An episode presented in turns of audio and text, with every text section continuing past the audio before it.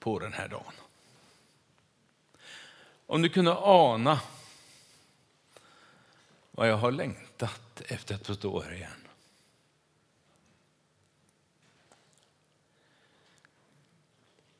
Ibland misströstar jag. Under hösten när jag låg på sjukhuset. Jag åkte in den 23 efter att ha predikat den 20. Jag på säga, kom inte ut förrän ett par dagar före julafton. Nyopererad och med gott hopp om en fortsättning. Men att det skulle gå så här fort, jag vet inte om jag vågade hoppas på det. Men att få stå här inför er idag och få predika den text som har levt under större delen av hösten. Ja, första delen av hösten, den kan vi glömma, för det har jag gjort. Jag kommer inte ihåg så mycket av det, mer än att jag var ganska dålig. Men när jag börjar pigna till så börjar den här texten att leva. Och egentligen har den ingenting med själva sjukdomen att göra, ingenting med sjukhuset att göra, ingenting alls med det att göra. Men ändå så levde den där och skapade en längtan i att när jag börjar predika igen, då ska jag predika över den här texten. Och nu håller jag mitt löfte till mig själv och kanske till och med till Gud. Du sjöng om bönernas bro som bär. Och ibland så får man gå på den där bron.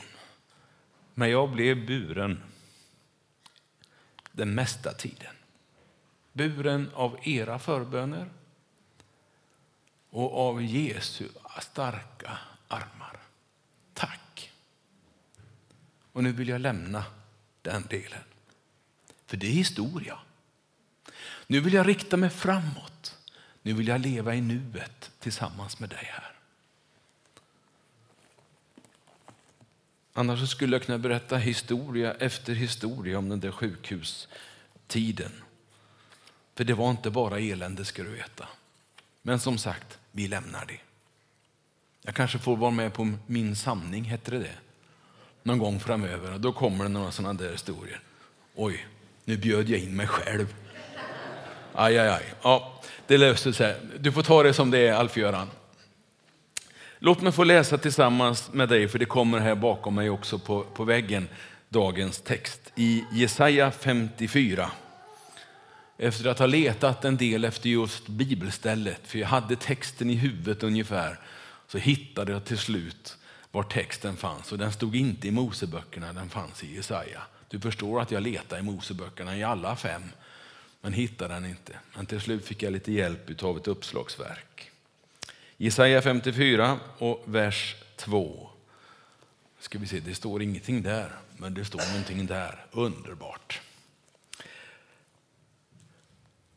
Gör mer plats åt ditt tält. Spänn ut dina tältdukar. Snåla inte. Gör linorna längre. Slå ner pluggarna stadigt. Nej, jag har inte missförståndet. förståndet. det här är en text som du kommer att få lyssna till en stund. Jag hoppas kunna förklara det som eventuellt låter lite märkligt. Låt mig bara få berätta för dig, jag vet inte hur ofta och hur bekant du är med, med profeterna i Gamla Testamentet, men Jesaja är en av de profeterna som har mest kapitel i alla fall. Vem som är störst och minst vet du vad? Det är lika svårt att avgöra bland profeterna i Gamla testamentet som det är svårt att avgöra vem som är störst och minst ibland oss. Men Jesaja han bodde i Jerusalem och var gift, hade åtminstone en son. Mycket troligt att han hade fler barn än så. Han var profet i det som kallades för Sydriket eller Judarike. Ungefär där 700-talet före Jesu födelse. Så det är ett tag sen kan man väl säga, eller vad säger ni? 2700 år tillbaka. Och ändå kan jag hitta en relevant text som jag tror har bäring in i ditt och mitt liv. Det här var efter delningen av Israel. Du vet konung David konung Salomo som hade ett jätterike jämfört med det vi tänker på som Israel idag. Så var det stora delar av Syrien. Det var, ja, det var, det var ett stort rike i Mellanöstern. Men när Salomo dog så blev det slagsmål som det brukar bli när stora ledare dör. Och riket delas i två. Ett nordrike med tio stammar, ett sydrike med två stammar. Och det ena nordriket det blir kallat för Israels rike och sydriket blir kallat för Judarike eller tvåstamsriket.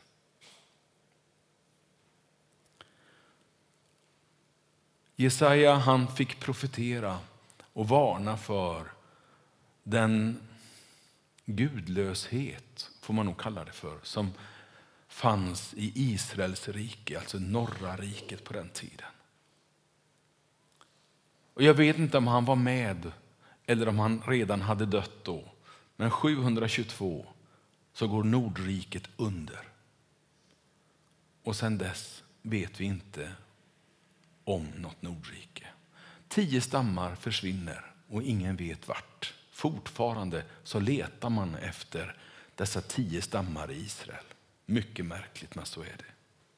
Ja, men du säger de är ju tillbaka i sitt land. Ja, det är de. Men om det är de tio stammarna som har kommit, det är det ingen som vet. Judarike fortsatte sen ytterligare en tid, ända fram till 586 före Jesu födelse. Då går också Judarike under. Men det predikade och profeterade inte Jesaja om så mycket. Det är Jeremia desto mer egentligen. Men det är så nämligen med profetier i Gamla testamentet och jag tror även profetier i Nya testamentet och profetier idag. Att eh, ibland och ganska ofta så är de liksom eh, upplevs olika av olika generationer. Många av profet, profetierna på den här tiden när Jesaja profeterade var direkt till folket som lyssnade på honom. Det var inte så många som läste dem. Det står att han tecknade ner det hela, att det blev nedtecknat, men det var inte så många som kunde läsa. Vem man väl skrev ner det så var det en bok. Ja, ni förstår själva. Skulle man eh, få en till fick man kopiera bokstav för bokstav på en ny bok. Och det är inte så lätt att göra när det är så många kapitel och så många versar. Så man hörde väldigt mycket. Och profetierna kan på det sättet ha flera utgångar, alltså att både upplevas som angår mig när jag levde vid sidan av Jesaja. Och några av dem tyckte Jesus angick honom och pekade på honom när han gick på jorden. Och några av profetierna blickar ännu längre fram, kanske till och med in i våra dagar. Det är Guds ord som har den verkan och som har den möjligheten. Profetia som kan gå i uppfyllelse flera gånger på det sättet.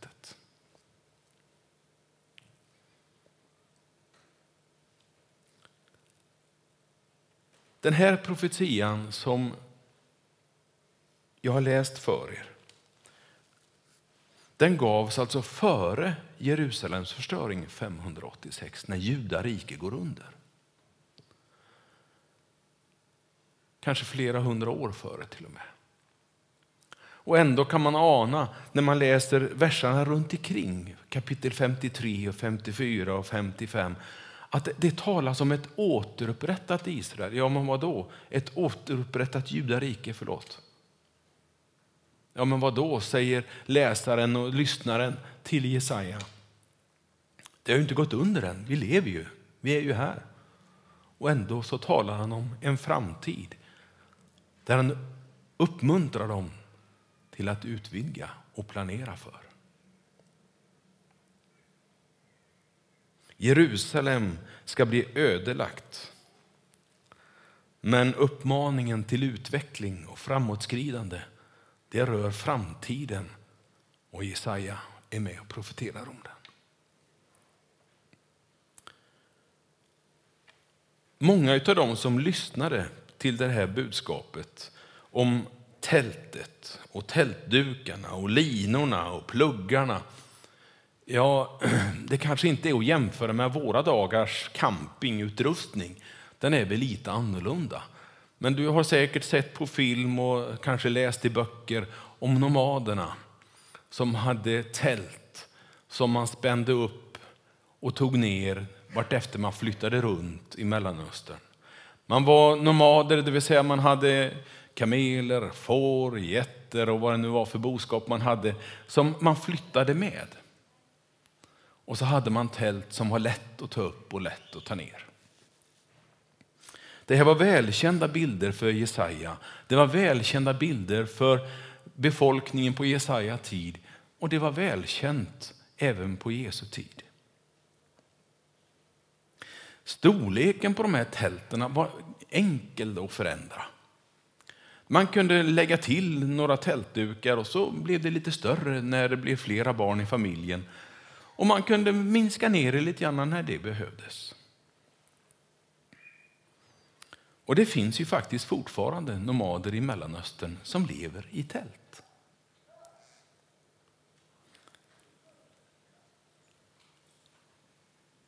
Och budskapet i den här versen som vi har som grundtext idag. Gör mer plats. Det har jag tagit till mig. Det har levt i mitt hjärta under hösten. Och nu ska du inte lägga allt för stor vikt vid att vi har funderat på att flytta härifrån och att det inte blev av. Jag lever inte där. Jag lever i nästa fas. Jag tror att då gör vi någonting här då. Då gör vi någonting med det vi har. För Gud är inte adressen det viktiga. För Gud är inte centrala det viktiga. Var någonstans? Utan ditt och mitt hjärtes sinnelag. Är vi nöjda med det vi har? Ja, ni sitter ju ganska gott i bänkarna har en känsla av. Men sitter du så gott så att du inte tror att vi behöver förändras?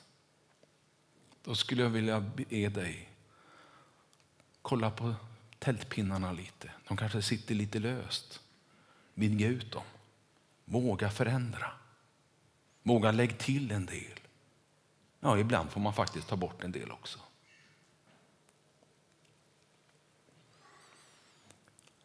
Det här blir ingen jättelång predikan. Men klockan är redan elva och jag har min sista punkt kvar. Vi bygger för framtiden. Vi bygger församling för framtiden. Vi bygger kyrka för framtiden. Hösten som sagt var vi tvungna att, att förändra vårt tankesätt på för det blev för jobbigt och dyrt och mycket. Och det har jag all respekt för. Men vi behöver mer ändamålsenliga lokaler.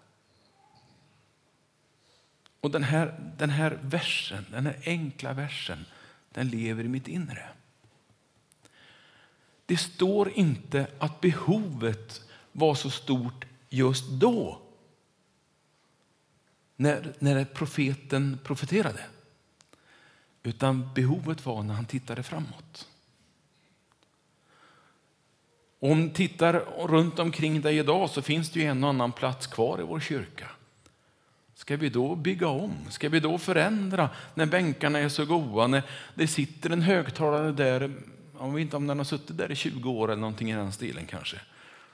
Måste vi förändra då? Det är ju så jobbigt att lägga nya färger och ut med gamla bänkar och in med nya eller vad det nu blir för någonting. Det är ju en massa jobb. Den förändring vi ska göra är inte för nuet, det är för framtiden. Det lever i mitt hjärta. Det är inte för generationen, ursäkta mig Dan, men det är inte för din generation Dan som vi förändrar och bygger. Det är inte för min generation heller. Det är för de här på, ja, det är för er. Det är för den yngre generationen. De unga mammorna och papporna, de unga familjerna. som ska bygga Guds rike när jag börjar bli för trött. Jag ska hänga i ett tag till. Tänk om jag fick hänga i lika länge som Dan. Ja, vilken nåd. Det är för de generationerna som jag tror att vi behöver förändra vår kyrkobyggnad. Ja, det är inte bara därför. Vi bygger ju också lite grann för nuet, för brandmyndigheten tycker att vi har lite för dåligt med reservutgångar, så de tycker vi behöver förändra. Och vi kan ju bara hålla med och säga att ja, vi behöver förändra, men vi hade ingen aning om att det var därför. Men det är ju bara att böja sig. Det är ju bara att göra som de säger. Och så passar vi på att flytta ut tältpluggen lite. Så passar vi på att lägga till en tältduk till. För vi känner inspirationen för kommande generationer. Man måste få en ändamålsenlig kyrka och lokaler som man kan växa i, som man kan känna sig hemma i. Och därför tycker jag att det här är viktigt och bra. Jag funderar på det häromdagen lite grann. När jag växte upp och vi byggde om kyrkan i Kungälv så var det väldigt viktigt med färgen på kyrkan. Och du visste vilka debattkvällar vi hade om färgvalet. Gode Gud. Ett tag så tänkte jag att det, det, vi kommer aldrig att få någon färg på den här kyrkan för de kommer aldrig att bli överens. Eller också blir det redan regnbåge av alltihopa. Men till slut, så efter mycket debatt, så lyckades vi komma överens med någon som höjde rösten och tyckte att han kunde det där. Eh, och så blev det så till slut sen. Men jag tror att dagens generation ser mycket mindre till färgvalet. Men ser mera till funktionen på något sätt. Nu har vi en arkitekt här så att jag ska inte kaxa för mycket och säga för mycket. Men, men det, är min, det är min fundering. Jag tror att dagens generation ser det här med högtalerit, med det här lite mörka runt omkring som någonting som kan göra att man får nya färger varje söndag utan att behöva måla. Man har ljuspunkter i taket, ljuspunkter kring väggarna som gör att helt plötsligt så kan vi få nya färger i vår kyrka. Och jag ser fram emot att få det här permanentat på ett vackert och ändamålsenligt sätt.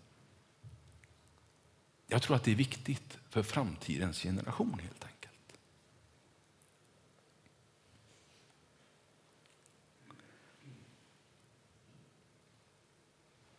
Vi kan inte slå oss till ro bara för att en idé inte funkade.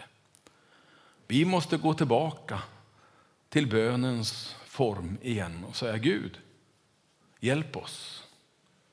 Hjälp oss att hitta rätt i den arkitekturiska djungeln, i sladdarnas härvor, så att allting blir så bra det bara kan för de möjligheter som vi kan bidra med. För det är ju så, ska vi göra om någonting i vår kyrka så kan vi inte räkna med att statsministern skjuter till allt för mycket pengar. Eller kommunalrådet står inte heller på dörrtröskeln här och, och säger åh vad roligt att vi bygger om, får vi skjuta till ett par miljoner? Nej, de har ju fullt upp med det som har hänt här med Allégården, så att det kan vi nog inte räkna med. Utan ska det här ekonomiskt fungera så måste du och jag ta i så måste vi fortsätta att offra eller ge i, i eh, offerboxen som vi kallar den för. Ge pengar. Så enkelt är det. Och det här är ingen, det här är ingen eh, hur ska jag säga, en sån här jobbig eh, ekonomiföredrag, utan det är bara så här är det. Det är ingen annan som ger pengar till vår kyrka än vi själva och kanske någon gäst som vi är glada för.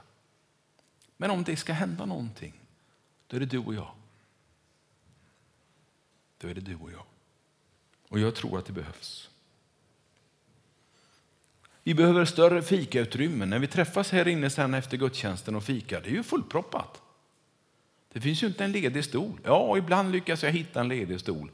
Men det är för att jag kommer så sent så att det är någon som har hunnit gå. Ibland sitter det folk här och fikar här och ibland går det ner folk i källaren och sitter och fikar. Vi får sprida ut oss i hela kyrkan snart. Och det är nuet. Brandmyndigheten säger att ni får bara vara ett visst antal personer. Jag törs knappt tala om för dem hur många vi var igår. Vi var många här igår och lyssnade på Frank Ådahl. Redan nu märker jag att vi behöver förnyelse, förändring. Följ uppmaningen, utmaningen från Jesaja 2700 år sedan. Gör mer plats i ditt tält. Ja, det, är så, det är så praktiskt och gott, eller hur? Det är liksom ingen tvekan. Spänn ut dina tältdukar och så kommer den där lilla, lilla raden med bara de två orden snåla inte. Ja, jag vet inte vad han tänkte på. Om han tänkte med snåla inte med utrymmet eller om han tänkte snåla inte med ekonomin. Var generös. Det är på något sätt ett Guds signum. Han som är generositeten själv. Han önskar att du och jag också är generösa mot varandra och mot våra medmänniskor. Och så är det den avslutande raden och det får bli min sluttanke. Slå ner pluggarna stadigt. När vi gör det här så ska vi leva med bägge fötterna på jorden. Så ska vi leva och göra det klokt och förståndigt. Vi ska använda alla kunniga huvuden vi har. Och så ska vi ta några till dessutom som vi inte har, som vi ska lura hit och, och se till att de får jobba lite grann för Guds rike de också. De kanske ska ha lite betalt, men det kan det vara värt. Slå ner pluggarna stadigt. Det är inget vindflöje. Det är inget tält som blåser bort. Utan när Gud bygger någonting, när Gud vill att vi gör någonting, så vill han att vi gör det rejält. Med bägge fötterna på jorden och gärna hjärtat och tanken i himlen. En kall hjärna och ett varmt hjärta, sa min chef till mig många gånger när jag jobbade på Kaggaholms folkhögskola. Och det har följt mig sedan dess. Och Gud, ge mig en riktigt kall, beräknande, klok och vis hjärna. Men ett stort och varmt hjärta för människor och människors behov och församlingens behov. Låt mig så få avsluta med att läsa versen en gång till. Gör mer plats åt ditt tält. Spänn ut dina tältdukar. Snåla inte. Gör linorna längre. Slå ner pluggarna stadigt. Amen.